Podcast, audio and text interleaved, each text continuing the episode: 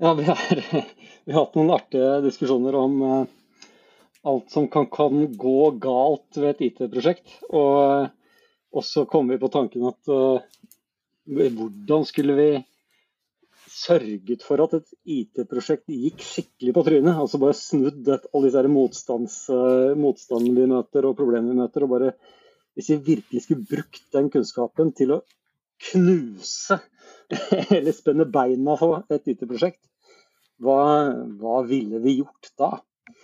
Eh, og Der eh, har vi vært litt smarte og, og, spurt litt rundt på Slacken og i internt i Beck og fått en god del bra innspill.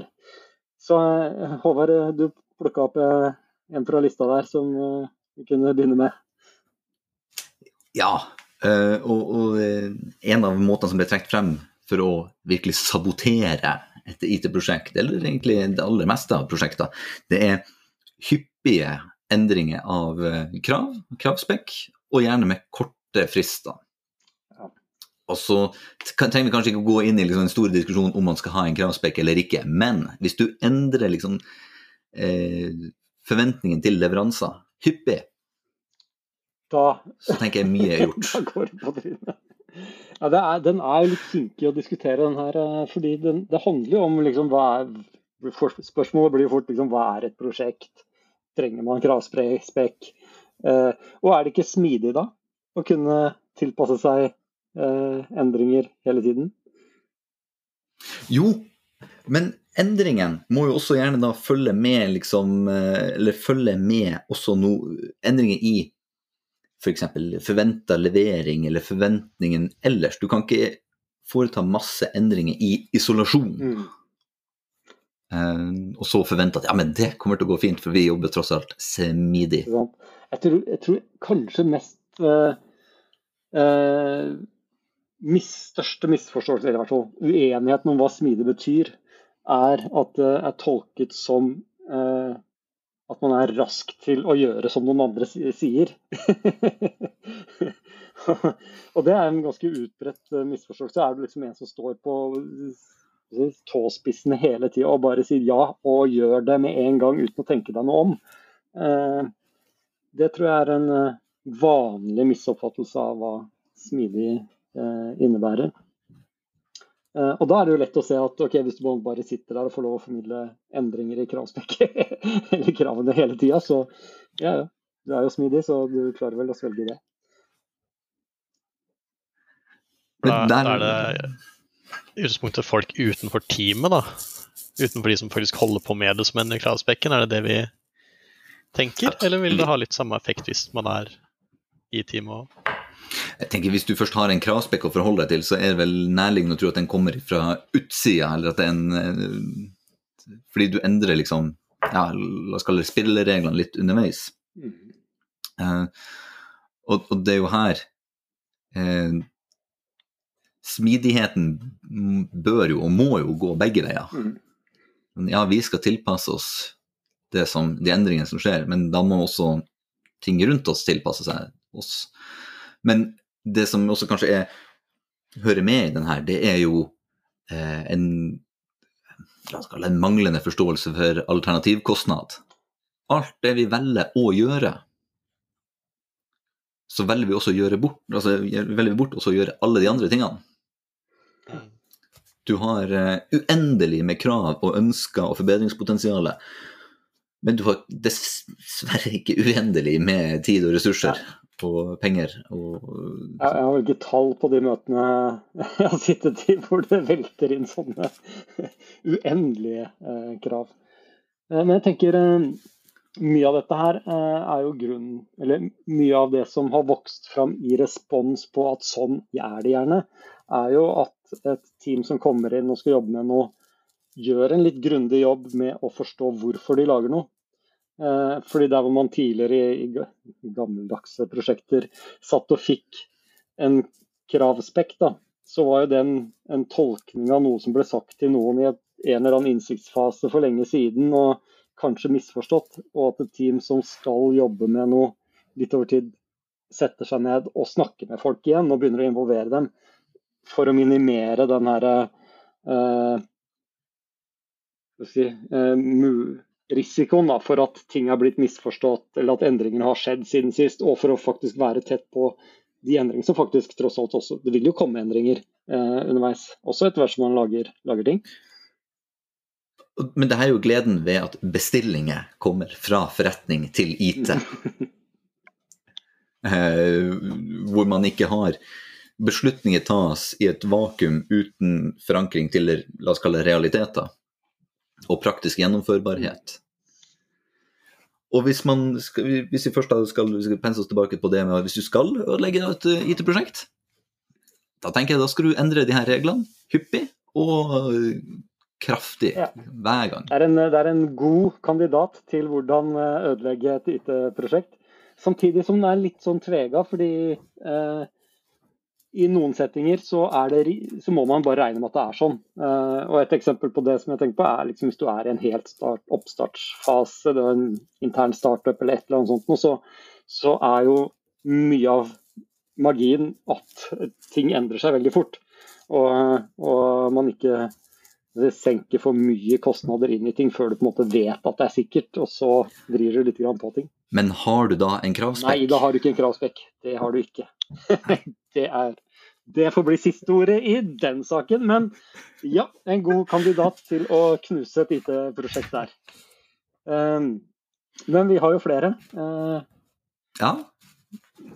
En annen kandidat som selger opp, uh, er jo hyppige og gjerne mindre relevante møter. Og da ofte med ja, helst så mange som mulig hyppige møter, obligatoriske møter, sto det vel også. ja takk. Eh, med så mange mennesker som mulig. Mm. Hvilke situasjoner ser vi det i?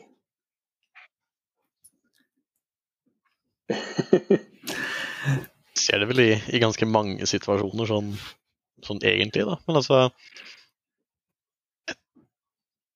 sånn, det, er, det er ikke for å sabotere det, men jeg ser for meg at uh, i en del situasjoner så oppstår det fordi det kanskje er en i et eller annet mellomledersikte som ikke helt vet hva han skal drive med, uh, og så prøver å gjøre et eller annet, og så resulterer det i, i mye busy work uh, uten at man egentlig får noe ut av det.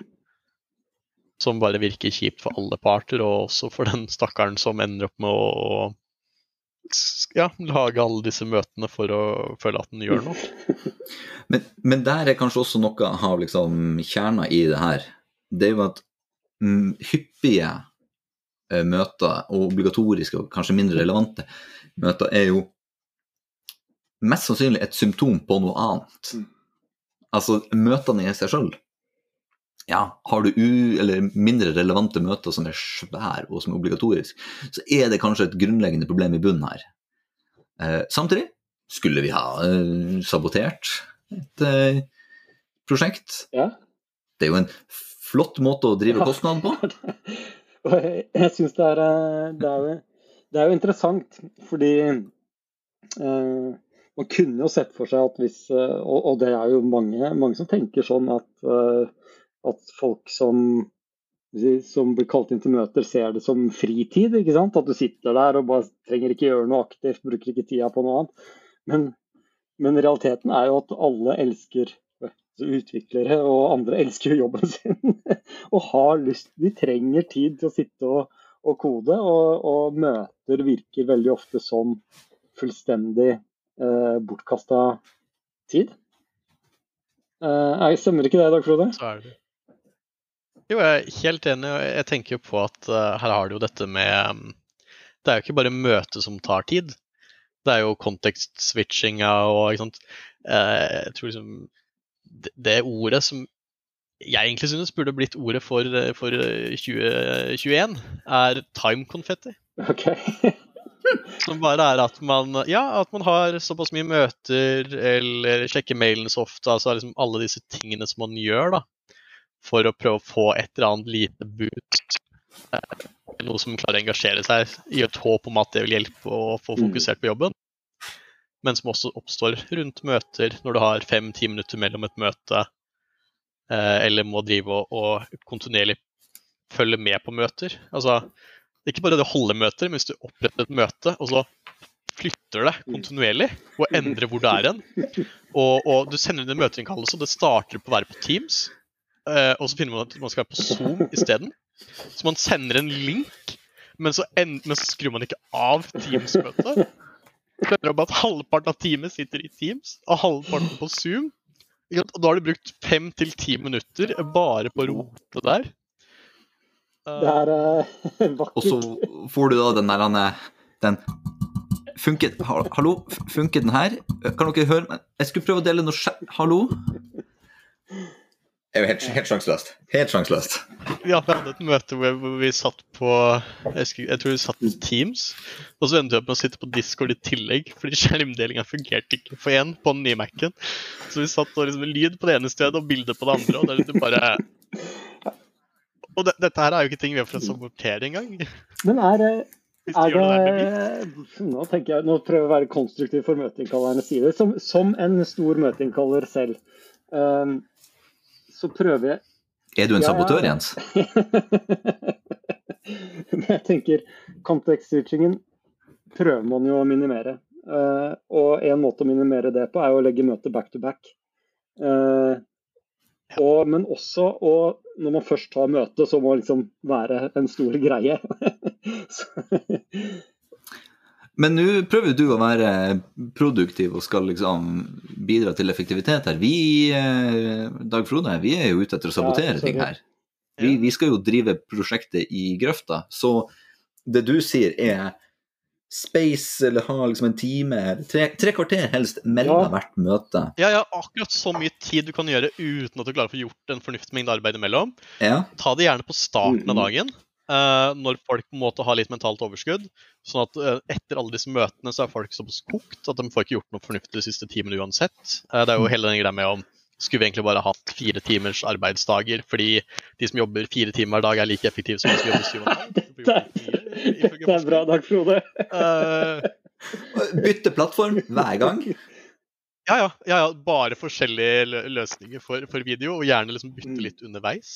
Og du kan aldri bruke, liksom, Hvis du har et Zoom-møte, så kan du aldri gjenbruke det møtet. sånn at du, du, må sørge for at hver enkelt innkalling har en ny ID og en ny Ja. Mm. Er, er, det mulig?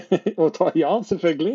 Det er altså, bare å lage Det er klart, klart det, det bare, bare sånn for å spille sabotør? Nei, og det visste jeg ikke at det var mulig. Ja, men så praktisk. Nei, ja, ja, ja. Takk for at du redda meg inn igjen her, Håvard. Det var helt riktig. Så lag litt avstand mellom møtene. Gjør dem litt lengre enn de trenger å være.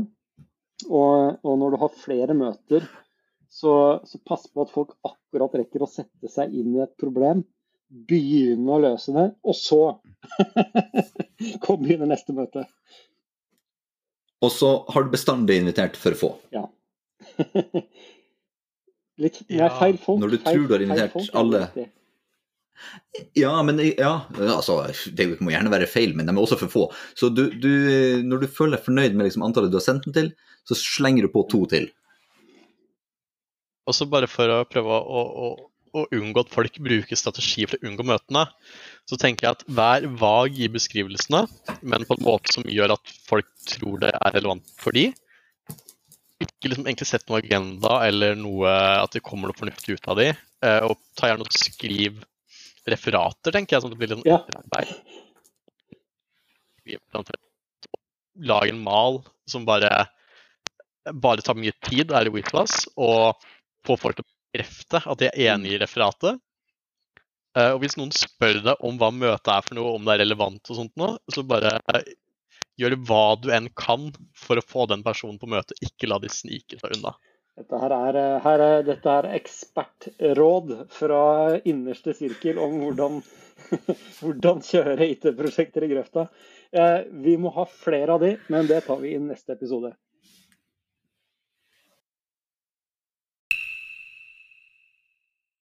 Drypp er en lavterskelpodkast fra Beck, hvor vi diskuterer diverse temaer som interesserer oss.